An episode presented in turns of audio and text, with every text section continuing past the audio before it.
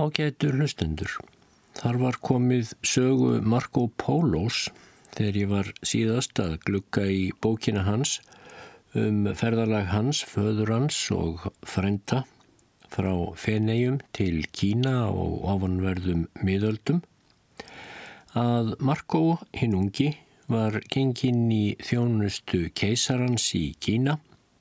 Sá var raunar Mongóli og kallaðist Kublai Khan og Kublai Khan fekk mikið tröst á hinnum unga Ítala og fljótlega var Marco Polo farin að fara í sérstakar sendiferðir fyrir keisaran hingað og þangað um Kínaríki. Og þar lenda hann að sjálfsögðu í ýmsum ævintýrum og sá og upplifði ýmislegt sem kom heldur betur framandlega fyrir sjónir hjá ungum Evrópumanni og þar var sem sagt komið sögunni að Marco Polo var komin til héraðsins Mansi í erindum Kublai Khan og tók sér fyrir hendur að skýra hvernig stór kanin vann þetta ríki á sínum tíma. Vita skulu þér og minnast þess, skrifar hann, að yfir Mansi fylki réð einu sinni konungur og drottnari sem bar tignarheitið Fagfúr. Það er gömul arabísk þýðing á kynverska tignarheitinu Sónur himinsins sem hinnir æðstu kongar og eða keisarar báru. Fagfúr yfir mannsífylki var svo auðugur og voldugur þjóðhöðingi að enginn af drottnurum jarðarinnar, já nema þá stór kanin sjálfur, þóldu nokkur samanburð um auðæfi, þegnafjölda og ríkis viðáttu. Þjóðin sem byggði fylkið eða landið mannsi var friðsum og karlmennir höfðu ekki áhuga fyrir neinu nema konum og aftur konum. Í öllu ríki fagfúrsins var ekkert rittaralið því karlmennir höfðu ekki tíma til að sinna hestum, svo mikinn áhuga höfðu þeir á konum sínum og þjóðin hafði aldrei eftir vopnaburðin í herrmennsku af neinu tægi. Þetta ríki var umkringt stórfljótum og því var talið óhugsandi að nokkur máttur á jörðinni gæti ráðist á ríkið. Borgirnar voru ramlega víkirtar með djúpum virkiskröfum sem voru svo breyðar að ekki var boga færi yfir þær og land þetta hefði aldrei verið unnið með vopnum ef þjóðin hefði haft hermönnum á að skipa til að manna varnarvirkin en það var herrþjónustan sem vantaði og því fór sem fór. Konungurinn eða fagfúrin hafði ekki hug á neinu nema helga sígunað semdum þessa heims. Við hýrðans fóru þúsund fagrar konur til þjónustu honum og til þessara þúsund kvenna leitaði hann allarar gleði. Konungurinn var raunar friðsamur og réttlátur og sér hver undir okun og ánýðsla var það refsingu í ríkinu, án tillits til þess hver hlut átti að máli. Rétt sín í konungs hafðu þau áhrif að enginn dyrðist að fara inn í opna kaupmannsbúð fulla af varningi til þess að ræna, þótt eigandin hefði glemt að loka henni. Sér hver ferðamaður gætt farið um ríkið þvert og endi langt, frjáls og óttalauðs, hvort heldur var á nótt eða degi. Konungurinn var maður guðrættur og hann var líknsamur við fátæka og nöðleitarmenn. Hann let leita upp í börn sem fátækar mæður báru út og gátt ekki séð farborða. Namn tala þessara barna fullum 20.000 og ári á hverju og kom konungurinn þeim öllum til manns. Konungurinn let rita nýður heimintákn þau og reykistjörnur sem börnin voru fætt undir og kom þeim því næst í fóstur við svegar um landið. Ef auður maður var barnlaus þá þurft hann ekki annað en fara á fund konungsins og fá hjá honum svo mörg börn sem hann óskaði eftir. Og þegar börnin voru svo komin á legg þá gifti hann þau innbyrðis og kom fótunum undir þau á hans eigin kostnað. Og nú vil ég segja yður frá einni af vennjum konungs þessa heldur Marco Polo áfram. Þegar hann var á reyðum borgina og kom auga á lítið og fátæklegt hús sem stóð á milli stóra húsa og fagura, þá spurði hann hverju þetta sætti. Ef hann fekk það svarað í húsinu byggi fátækt fólk sem ekki hefði efni á úrbótum, þá fekk hann því hendur fjö úr eigin sjóði til að byggja nýtt hús fyrir. Þannig kom að lokum að í Kinsey, sem var höfuðborg manns í ríkisins, sáust aðeins stór og fögur hús. Það var mikil munur á háttum og hugarfari fakkfúrs þessa í mannsi og svo tartara keisarans eða mongólans Kublai Khans sem af engu hafði jafn mikið indi og styrjöldum til að auka og ebla fræð sína. Þegar Stórkaninn var búin að bæta nokkrum konungsríkjum og fylgjum við veldi sitt, þá fór hann að higgja til landvinninga í Mansæ.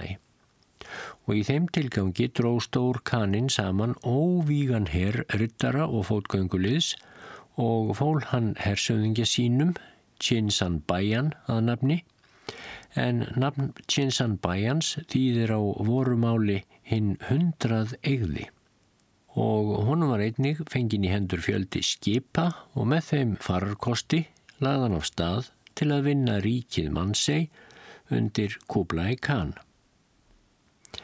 Jinan Bayan steg á land í Mansai með liðsitt og sótti inn í landið.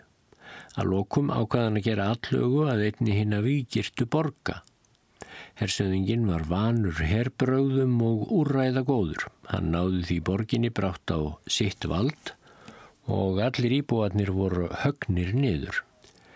Þegar fregnin um þennan skjelvilega viðburð barst til næstu borga, þá erðu íbúarnir þar, greipnir svo mikill í skjelvingu að þeir flýttu sér að eigin frumkvæði að játast undir völd Mongóla.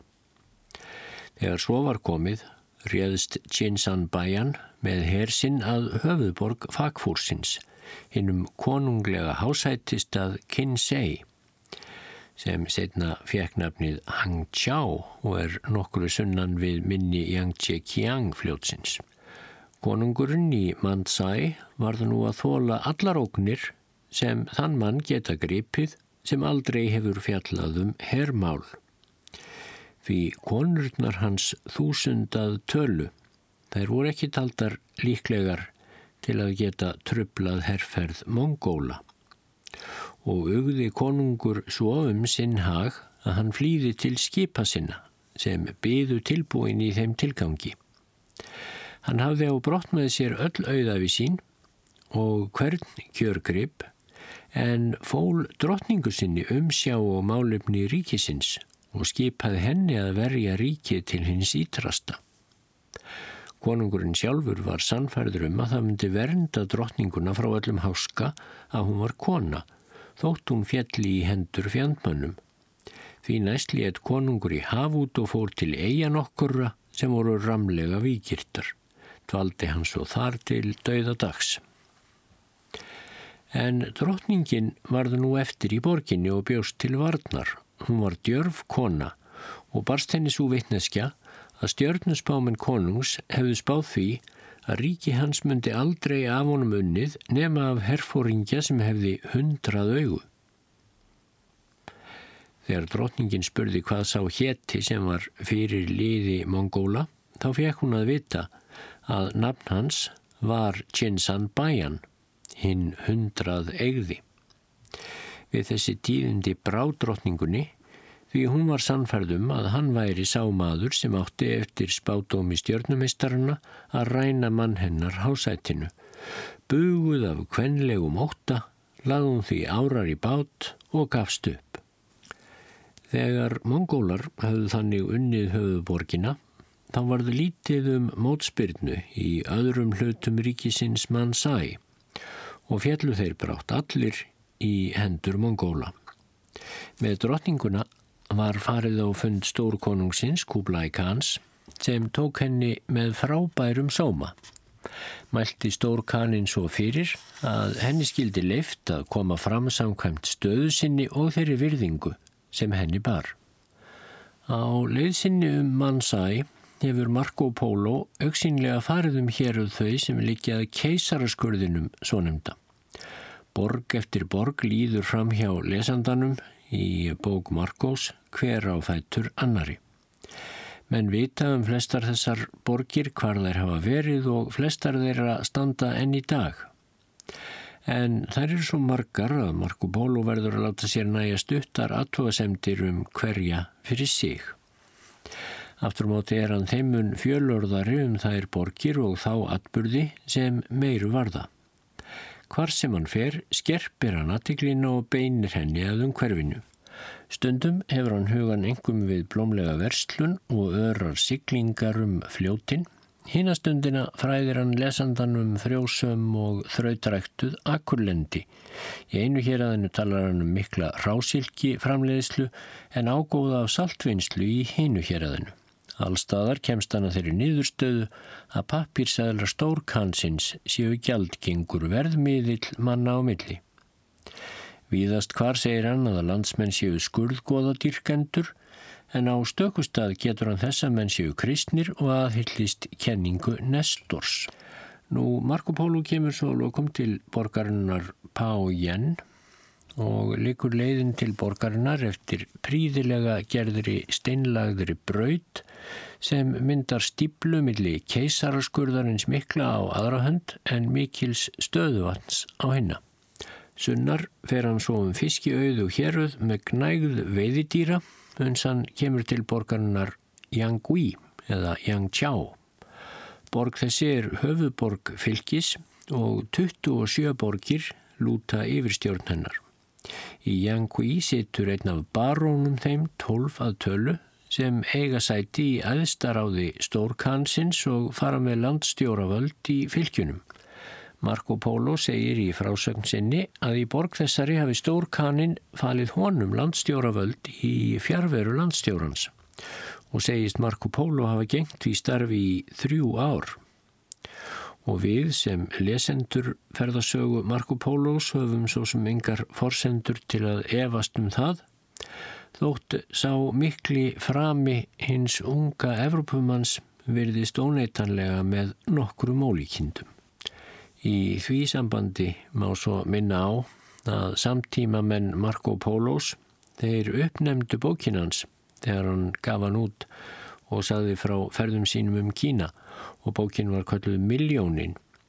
Það var ekki vegna þess að hún kostaði miljón eða neitt þýjumlíkt, heldur vegna þess að menn sögðu sem svo að þar mætti lesa miljón lígar. En uh, fræðmenn eru nú á því að þóttu Marco Polo kunni að hafa krítað liðugt hér og hvar og stundum smurt rækilega á eins og það má orða þá sé þó í stærstu dráttunum frásögn hans byggð á sannleikanum og því sem raunverulega fyrir hann kom. Um bókina Yankui segir Marco Polo að þar sé herrtíja yðja mikil og fjölmennur herr hafi þar aðsettur að bóði stórkansins. En svo bætir Marco Polo við og fleira er ekki að segja um þáborg Svo stuttarleg er lýsing hans á Yankui þar sem hann hveðst þó hafa dvalið í þrjú ár og gengtar stöðu sem valla nokkur annar erlendur maður hefur gengt gorki fyrir nýja síðar í Kína. Í baksín við störf Marco Polos sem landstjóra í Yankui þá er það aðtiklisvert að 35 árum eftir komu hans frá Kína Þá kom ítalski munkurinn Odoric til borgarinnar og fann þar deilt úr fransiskunnar reglunni sem hann fylgdi sjálfur og auk þess voru þar þrjárkirkjur Nestors sinna. Danski rítuundurinn Åge Krorup Nílsen sem tók saman þá stittu og nýttmiðuðu útgáfu af ferðasögu Marco Polos sem ég stiðst hér við Hann vekur aðtikli á þessu. Það voru sem sagt kristnir menn í borginni sem Marco Polo segist hafa stýrt sem landstjóri. Yangqi stendur annars í fylkinu Jiangsu á norðurbakka stærsta fljótsins í Kína, Yangtze-Kiang og í eftirfarandi köplum á lýsing Marco Polos engum við þau héruð í Mandsi sem likja að fljóttinu. Fyrst tekur hann þó hliðarspor langt söð vestur á bógin til borgarinnar Sanjan Fu. Borgin er álitlegu vestlunarborg þar sem mikið er unnið af ágætum gulldregnum silkidúkum. Þessi borg varð Marco Polo mjög minnistæð vegna þess að fadir hans og föðurbróðir mörguðu örlagarík spor í sögu borgarinnar að hann sögn. Um þá atbyrði fer Marco Polo svofeldum orðum.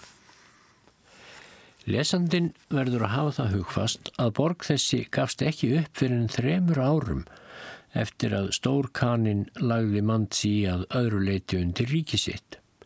Hersveitir hans gerðu þó hverja tilraunina á fætur annari til þess að vinna borgina en þær missefnuðust allar vegna þess að borgin var umkringd miklum vötnum á allar hlýðar nema eina að norðanverðu. Ég get fullvissað viður um að borgin hefði aldrei unnist ef ekki hefði komið fyrir atvik það sem nú skal greina. Stórkaninum bárust þau tíðindi að borgin yrði ekki unnin með því að setja hana í herkvíjar þar sem matvælum varð alltaf náð frá þeim hliðum sem ekki var und að loka. Stórkanin varð mjög angraður við tíðindi þessi og stór þess dýran eið að borgin skildi unnin og einhver leið yrði að finnast til að ná henni. Þetta barst þeim Niccolo og Maffeo Polo til erðna en þeir dvöldust um þær mundir við hýrð Stórkansins á henni fyrriferðsinni til Kína.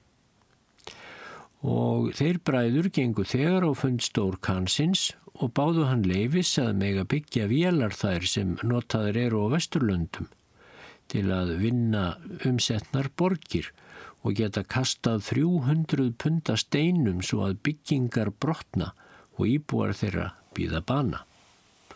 Stórkanin fjælst á tilmæli þeirra allshugar fegin og skipaði þegar í stað dugandi smíðum og timbrumönnum að veita pólóbræðurunum alla þá hjálp sem þeir máttu og meðal þeirra voru nokkrir kristnir nestorsinnar og reyndust þeir allir dugandi handiðinaðarmenn. Á fáinum dögum voru búnar til þrjár múrbrótsvélar eftir frásögn pólóbræðuruna. Því næst voru þeir reyndar í viðurvist stór kansins og allrar hyrðarinnar.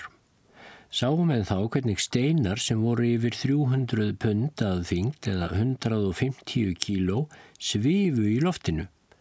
Allir nærstattir undruðust stórum og lofuðu vélarnar. En stórkanin skipaði svo fyrir að þær eruðu þegar fluttar til skips og sendar hernum og var vélunum þegar komið fyrir við borgina Sanjan Fú og undruðust tartarar mjög þegar kastað var fyrsta steininum. Hann fjall svo harkalega á hús eitt í borginni að mikill hluti þess hrundi og fór í móla.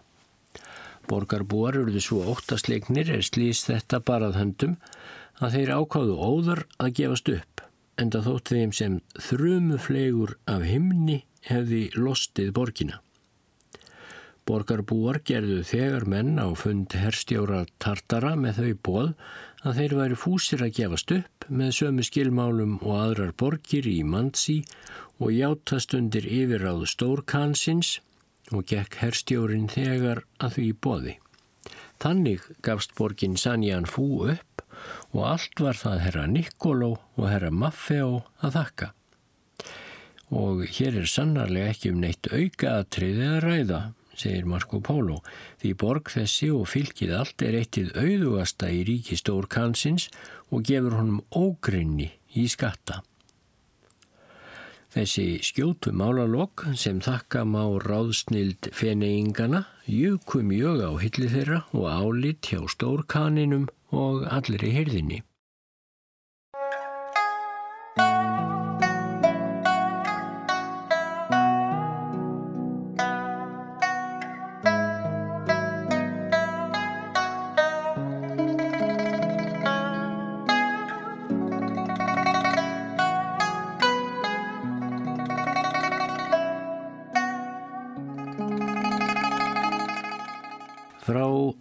Sanjan Fú snýr Marco Polo frásögn sinni aftur að héröðunum kringum Yangtze Kiang fljótið og til borgarinnar Chiang Tao og hann dregur hvergi fjöður yfir hver hrifin hann er af þessu stórfljóti og öllum þeim skipa grúa sem þar leggur leið sína. Lesandin verður að hafa það hugfast, segir Marco Polo alltaf því andstuttur að fljót þetta er hefð stærsta í heimi.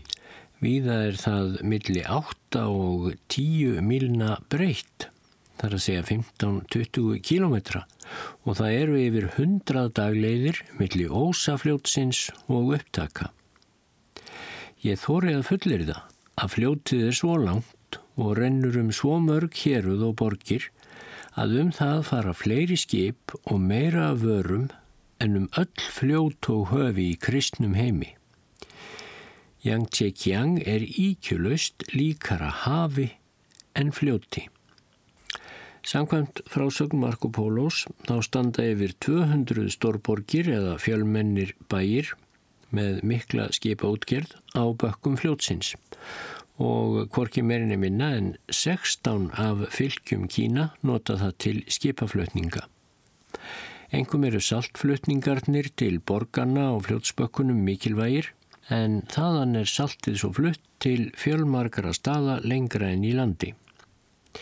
Marco Polo sá við eitt tækifæri ekki færri en 15.000 skip í borginni Singui og öll þau skip voru með þilfari og einu siglutré með segli á og lestuðu frá fjórum og upp í 12.000 kantari sem þýðir að þetta voru 200 til 500 smálesta skip sem var nú heldur betur dágott í þá daga. Viðsvegar eru eigjar í fljótinu og klettarannar skerast út í það. Á stöðum þessum hafa verið hjáguðamusteri og klaustur og á bökkunum er óslítinn röð, stærri og minni borga. Embættismadur okkur sem heimti inn totla fyrir stórkanin skýrði Marco Polo svo frá að 200.000 skip færu upp fljótið árlega. Skamt þaðan sem keisaraskurðurinn liggur að Yangtze Kiang fljótinu þar stendur fremur lítil borg Kain Gui að nafni. Þaðan eru sendar árlega miklar byrðir af frískrjónum og annari kornvöru til hyrðar stórkansins í Kambalik.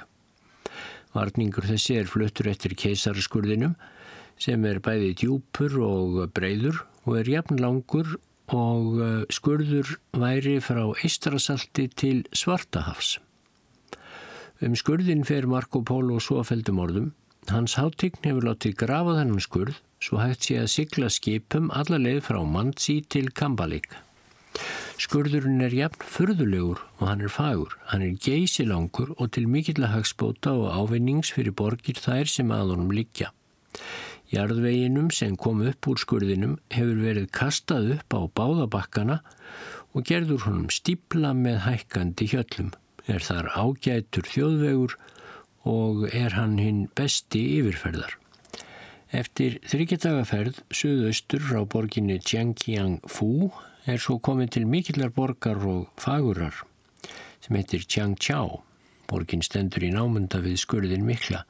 Þar er mikil hrásilki framleiðsla og dúkar opnir af fagurum gerðum en íbúarnir voru hins vegar fyrr á tímum lævísir og þrælslegir fantar allir saman um þær myndir sem hinn hundrað eigði tartara hersöðingi Chinsan Bayan braut landið undir sig þá sendi hann nokkra kristnamenn af þjóðflokki Alana á samt sínu eigin liði til að vinna borgina. Strax og þegar sást til ferða þeirra að borginni þá gáfust íbúarnir upp án allrar mótspyrnu. Borgin var vikirt tvöföldum múr. Alanar tóku ytri múrana og fundu þar gnótt af vínum. Þeir eruðu harla feignir að svala þorstanum eftir skort og erfiði við hergöngu undan farina daga. Drukku þeir svo fast og ákaft að þeir auðu ekki að sér og sopnuðarlokum í ölvímu. Þegar borgarbúar sáu frá einri múrnum að fjandmenn þeirra voru sopnaðir, Uppgefnir eftir vindrikkjuna þá gripuður tækifærið og drápuð á alla svo engin af alunum helt lífi. Þegar Jinsan Bayan frétti um afdrif Hermanna sinna varðan reyðari en frá megi segja og sendi nýjan her út af örkinni var borgin nú tekin með áhlaupi en Chinsanbæjan skipaði svo fyrir að allir borgarbúar skildu brítjaðir niður, ungir og gamlir, konur jæmt sem karlar, öldungar jæmt sem börn og varð engum undan komu auðið. Og þannig var öllum íbúum borgarinnar Qingwingwi útrýmt og Marco Polo er nú í frásöngsinni komin til hérraðana fyrir sunnan Yangtze-Kiang fljótið mikla. Síðst við kesaraskurðin. Þar segir hann okkur frá faguri borg sem heiti Suzhou. Í borg þessari býr mikill fjöldi stór auðúra kaupmanna. Megin þorri borgar búa lífur á verslun og eðnaði og eru þeir dugnaðar menn miklir á því sviði, segir Marco Polo, en þeir eru manna huglausastir, bætir hann við. Ef þeir veru jafn aðtorkusamir og herskáir og þeir eru fingraliðugir og hugvitsamir, þá gætu íbúar þessarar borgar og manns í fylgis lagt undir sig allan heiminn. Ekki vantar þá mannfjöldan til þess, en þeim er einfallega annað betur gefið en herrmennska. Í borginni er margtum ágæta lækna og lærðamenn af þeirri tegund sem við nefnum heimsbygginga, segir Marco Polo, en svo eru stórar hópar af öðrum sem nefndir eru fordæðumenn og seðskrattar. Og hver sinnir sínu í þessari borg og þeir hyrða því ekki um að leggja undir sig heiminn. Eftir fjögur að daga ferð frá uh, Sútsjú, söður á bógin, um frjósamt og fagurt land og gegnum óteljandi stærri og smerri bæi sem allir eru auðugir og fjörugir, þá kemur Marco Polo til hinnar skrautlegu og fagruborgar Kinsai. Og af öllum þeim stórmerkjum sem Marco Polo sá og kynntist á áralöngum ferðalögum sínum um Asíu, þá er hann hrifnastur af þyrri fagru og mikilfenglegu miljónaborg. Kinsei var um þær mundir mest borga í ríki Stórkansins og sennilega stærsta eða fjölmennasta borg í heimi um þær myndir. Það leynir sér ekki millir línana í frásögn Marco Polo sem borgina kvílik áhrif þessi ævintýralega undraborg hefur haft á ókunnan vestrænan kaupmann sem örlögin höfðu leitt til hins himneska ríkis.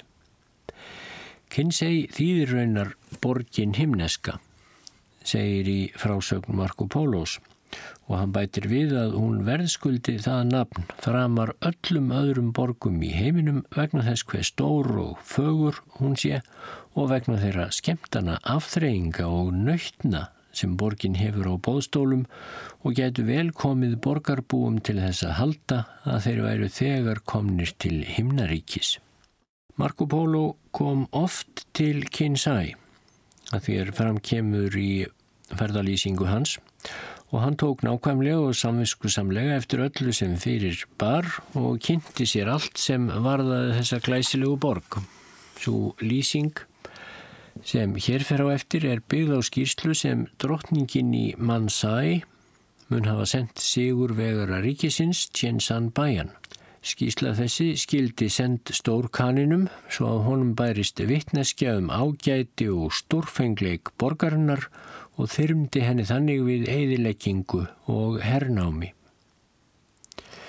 Ég vil segja eður allan sannleikan eins og hann stendur í þessu skjali, er haft eftir drotningunni því að það er íkjulust mál. Herra Marco Polo átti þess kost að ganga úr skuggaðum það með einu augum þegar hann kom þar síðar og eh, fyrst og fremst skýrir skjalið svo frá að borgin Kinsey sé 100 mílur á flatarmáli. Í borginni eru 12.000 brýr sem flestar eru svo háar að heilu skipaflótarnir geti silt undir þær. Men meg ekki láta það koma sér óvart þó brýtnar séu svo margar þar sem borgin er byggð í vatni og umkringd vatnum á alla vegu og til þess að rimka um allar samgöngur er brúafjöldin nöðsynlegur og þó að brýtnar séu svona háar þá er sagt að aðakstur sé auðveldur og hestar og vagnar komist auðveldlega yfir brýtnar. Skjál drotningarinnar tjáur enn fremur að í borginni séu 12 handiðnaðarmannafélög og hvert félag hafi til umráða 12.000 hús á samt vinnustofum handa yðnaðarmönnum sínum. Í hverju þessar húsa vinna 12 til 40 menn. Tala kaupmanna og vörumagn það sem fer um hendur þeirra er svo gífurlegt að það er ekki á nokkurs manns færi að gefa nákvæmar skýrslur um það efni. Þó vil ég bæta því við um handiðinaðarmistarana að korki þeir nýja konur þeirra reyfa hendinni nokkru sinni til neins starfa. Í þess stað búa mestararnir og konur þeirra við viðhöfn og stórmennsku sem sæmir konungbornu fólki. Og ef satt skal segja þá eru konurnar í borginni reyndar fagrar sem englar. Konungurinn hefur skipað svo fyrir að sér hver svonur verði að reka yðin föður síns og enginn má breyta út af því ekki einu sinni auðugir menn. Inn í borgin er vatn sem er 30 mílur að ummáli, allt í kringum vatnið eru fegurstu hallir og skrautísi sem hefðar fólk borgarnar á. Við vatnið er ennfremur fjöldi skurðgóðamustera og klustra en úti í því miði eru tvær eigjar. Báðum einn við eigjarnar standa stórar og skrautlegar byggingar eins og heilu keisarahallinnar að allir í viðhöfn. Þegar einhver borgar búa efnir til brúðköpsveistlu eða annars mannfagnadar er venja að nota aðra kora höllina til samkomistadar. Það er allt í bóði sem nota þarf af diskum, silfurfötum, nýfum og öðrum borðbúnaði.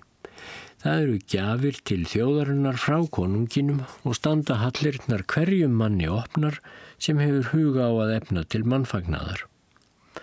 Það ber við að yfir hundrað mismunandi samkomur eru haldnar í einu í höllinni og er nóg húsrými fyrir alla í hinnum mörgu sölum og laufskálum. Á húsum borgarinnar eru háir steinturnar þar sem allt metfje er geimt. Er þetta gert af óta við eldsvoða því húsin er að öðru leiti úr timbri og eldsvoðar eru tíðir í borginni. Borgarbúar eru skurðgóða dýrkendur. Karlar jæmt sem konur eru björt yfirlitum, glæsilegt fólk og vatnaður fólksins er að mestuleiti úr silki. Ekki tjáur að leina því að eh, íbúarnir neyta allara tegunda kjöts þar á meðal af hundum og öðrum óreinum dýrum sem kristinmaður myndi aldrei láta inn fyrir sínar varir. En síðan stórkaninn tók Kinsey hefur hann skipað svo fyrir að tíu manna vörður sé við hverja hinn að 12.000 brúa í borginni. Er þetta gert til að koma í veg fyrir uppnám og hugsanlegar uppreysnar tilraunir? Hver varðmaður hefur í fórum sínum hólan trénall, malmbakka og stundaglass. Dag og nótt slá varðmenninir tímaslögin með trénallinum við málmbakkan svo að hver maður í borgarkverfinu megi vita hvað tímanum líður. Nokkur hluti varðmannana er á ferli um götturnar aða nætturlægi og sjáu þeir logandi ljós eða eld eftir tilsettan tíma þá er eigandi húsins fluttur fyrir yfirvöldin strax daginn eftir og honum refsað ef hann hefur ekki mjög gildar ástæður fyrir því að hafa látið ljósinn loga. Sama máli gegnir ef varðmenninir rekast á einhvern sem er á ferli um götturnar eftir þann tíma sem umferðir bönnuð. Rekist varðmennirnir að degi til á fátæka auðmingja sem ekki geta séð sér farborða eru þeir fluttir í eitt hvert þeirra mörgu sjúkrahúsa sem gamli konungurinn létt byggja og lagði til riflega tekjustofna. Ef varðmenninir verða einhver staðar varir við eldsvoða þá berja þeir strax stóra bumbu og blása í herlúðra til að kalla á varðmennina frá hínum brúnum. Allar göttur og allir vegir í borgin eru steinlagðir og samamáli gegnur um alla höfuð vegi í manns í yfir leitt. Geta menn því ekið og riðið frá borginni í allar áttir án þess að rekast á nokkra örðuleika. Við skulum svo minnast þess að Kinsey ræður í rauninni yfir 140 stórborgum fyrir sitt leiti og í öllu hinnu výðlenda mannsýríki eru yfir 1200 borgir samtals. Í hverju þessari borg hefur stór kaninn setulíð sem nefnur einu til 30.000 manns. Hermannatalan er því gífurleg. Hermennir í setulíðu þessi er ekki allir tartarar. Margir þeirra eru frá Kína og reynast þeir reyndar ágættir hermenn. Marco Polo getur því næstum ímsa af síðum borgarbúa.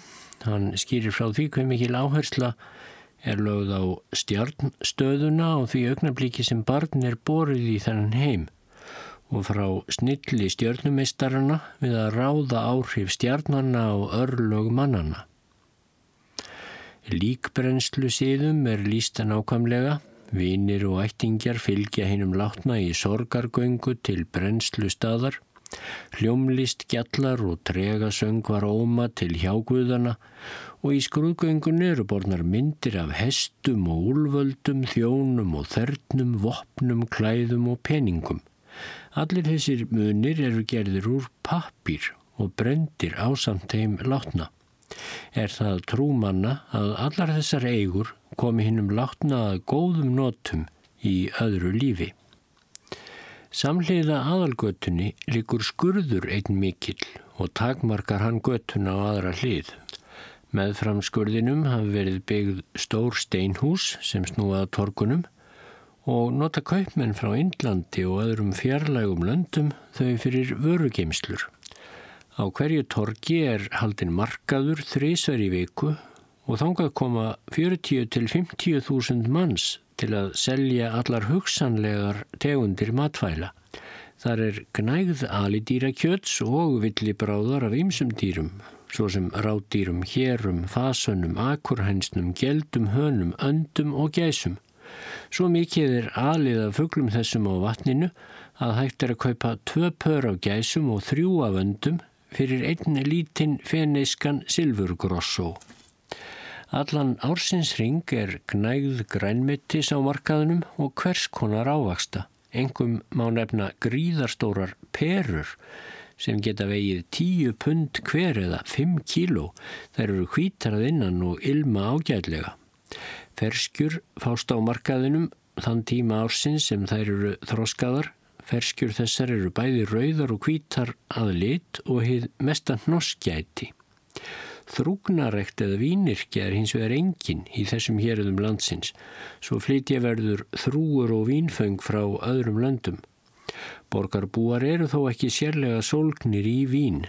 Þeir hafa vanist að drekka vín sem þeir brugga sjálfur úr hrísgrjónum og krytti. Götur þær sem likjað torgunum eru mjög margar. Í sumum götunum eru baðstaðir með köldum böðum þar sem þjónar af báðum kynjum eru reyðubúnir að baða menn og konur sem þangað koma.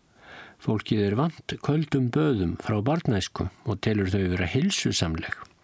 Þá er hér einnig heitböð handa útlendingum og öðru aðkomi fólki sem er óvant hrolli af köldu vatni. Hver einasti maður baðar sig einu sinn á dag, engum á undan máltíðum. Til að fullnægja baðþörf borgarinnar eru korki meirinni minna en 3000 baðstöðvar með lindarvatni. Borgarbúar hafa mikið dálæti á böðunum því þeir eru menn hreinláttir og í Kinsey eru bestu baðstofur í heimi þar sem hundruð manna geta baðaðis í einu. Marco Polo hrýfst sem sagt af Ímsu í Kinsey og hann dregur jæfnvel enga dula á hrifningu sína af vandiskonunum þar í borginni. Þeim lýsir hann svo. Vændiskonur borgarinnar búa í sérstökum göttum og þær eru svo margar að ég voga ekki að nefna neinar tölur. Þær búa ekki aðeins í nákrenni sölutorgana þar sem þær hafa þó venjulega sérstök hverfi heldur einnig um alla borgina. Gleðikonurnar eru skrautlega búnar og sætlega ilmandi af smyrslum.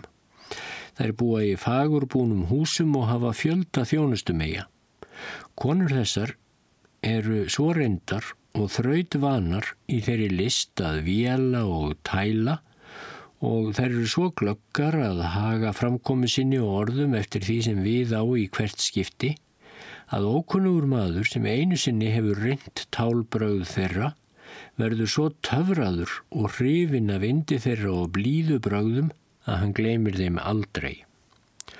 Ölvaður af holdlegum munaði snúaðir aftur heim til landsins og hafa frá mörgu að segja um dvölina í Kinsey eða borginni Himnesku og einasta ósk þeirra er að komast hangað aftur sem fyrst.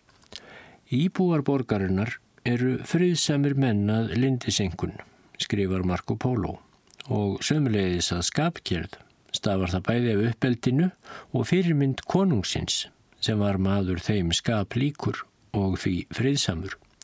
Íbúarnir kunna ekkert til vopnaburðar og eiga engin vopna á heimilum sínum. Til þeirra heyrast aldrei rifrildi eða annar ófríður af neinu tægi.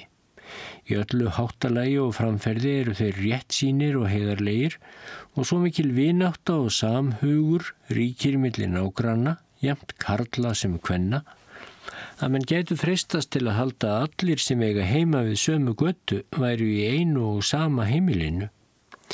Kunningsskapur þessi er laus við alla afbríðsemi og grunnsemdir í kvennamálum en það bera borgarbúar djúpa lotningu fyrir konum sínum. Hver sá maður sem ætlar sér að nálgast gifta konu með léttúðir álitinn vargur í vefum og ótíndur þorpari. Og borgarbúar eru yfirleitt frábærlega alúðlegir við aðkomumenn sem að gardi beri í veslunar erindum. Aðkomumönnum er tekið með ástúðlegri viðhöfn og látin í tíu sér hver aðstóð sem aðkomumönnirnir óska eftir við verslunarstörf sín. En íbúarnir þarna hata hermenn og enga meira en setulið stórkansins sem þeir líta á sem orsök þeirrar ógæfu er þeir mistu sinn eigin konung og drottnara. Og þá er það að lýsa konungshöllinni. Höllin er hinn stærsta í heimi og verður lesandin að hafa það í huga að hún er tíu mílur að ummáli og umkringt háum virkismúrum. Innan múranna eru fegurstu aldingarðar með ágætum ávakstatrjám, gósbrunnum og tjörnum sem eru fullar af fiski. Í miðjunni stendur sjálf höllin, skraut hísi mikið með 20 fagrum sölum. Allt er flúrað með gulli og málverkum af fugglum og dýrum, ritturum og tignum, konum og ýmsum öðrum dásemdum. Ákveðina hátíðistaga ár hvert emdi fagfúrin í borginni til mikillar hyrðuveistlu fyrir tignustu aðalsmenn sína, hyrðmenn og auðuga kaupmenn í borginni. Við slík tækifæri var yfriðin og rúm í hallarsölunum fyrir tíu þúsundir manna sem sátu undir borðum. Stóðu hyrðveistlur þessar í tíu til tólf daga. Þar mótti líta mikilfenglega og ótrúlega sjón, skrautið bara af öllu Gestirnir voru klættir silki og gullskrúða og báru svo mikið af gimsteinum að undrum sætti og kefti hver við annan um íburðarmesta búningin. Í höllinni eru 20 lokaðir gardar með súlnagöngum og í hverjum gardi eru 60 herbergi og fylgir þeim öllum sérstakur gardur. Í herbergjum þessum byggu þúsund ungar konur sem voru drottningunni til þjónustu. Súlnagöng lágu frá þessum hluta hallarinnar niður að bökkum vass eins Konungurinn fór oft í smáferðir með sínum þúsund fylgikonum til einhvers musteris á vassbakkanum og var þá farið í silkifóðruðum bátum. Stundum var ekið eða riðið út í skrúðgöngunum innan hallarmúrana þar sem allt var fullt af veiðdýrum, svo sem ráttýrum, antilópum, hjörtum og hérum. Meðan á þessum ferðum stóð hafði engin karlmaður lefi til að koma inn í gardin. Ungu konurnar skemmtu sér við að veiða dýrin og beittu þau hundum. Þegar þær voru svo orðnar leiðar á þeim leik, þá hurfuð þær inn í einhvern löfskálan á ströndinni, klættust úr hverri spjör, stiftu sér út í vatnið og syndu gladar umhverfis, en konungurinn skemmti sér við að horfa á þær. Stundum bar það við að konungurinn let framreiða miðdegisverð út í lundum þessum og neytti hans í forsælu við þjetta laufkrónu hárra trjáa en umhverfis voru þjónustu samar ungar og fagrar og íturvaksnar konur. Þannig leið æfin hjá konunginum svo líkur Marco Polo lýsingu sinni á síðasta konunginum í Mansei, hugdegum og nöytnasjúkum manni. Hann eitti æfi sinni í endalausan hegóma og kvennadadur en hafði enga hugmyndum hvað vopnaburður var. Afliðingin af þessu veiklindi hans og hvennhóllustu var svo að hann misti ríkisitt í hendur stórkaninum Kublai Khan á þann smánarlega hátt sem fyrir var frá greint. Auðugur kaupmaður í Kinsæ skýrði mér frá þessu öllu saman, skrifar Marko, meðan ég dvaldi í borginni. Hann var þá orðin háaldraður maður en hafði verið trúnaðar þjóttn fagfúrsins í gamla daga og gagn kunnugur við hyrðhans. Hann hafði séð höllina í allri sinni dýrð og ljóma þegar best létt. Gamli maðurinn hafði mjög gaman af að vera leðsögumadur minnum þessi salarkinni. Nú var höllin bústaður landstjóra stórkansins. Megin byggingin stóð enþá óbreytt en salir hyrðmegjana voru hrundir svo ekki sá stein yfir steini. Samamáli gengdi um hallarmúrin og trén og dýrin þau voru öll horfinn.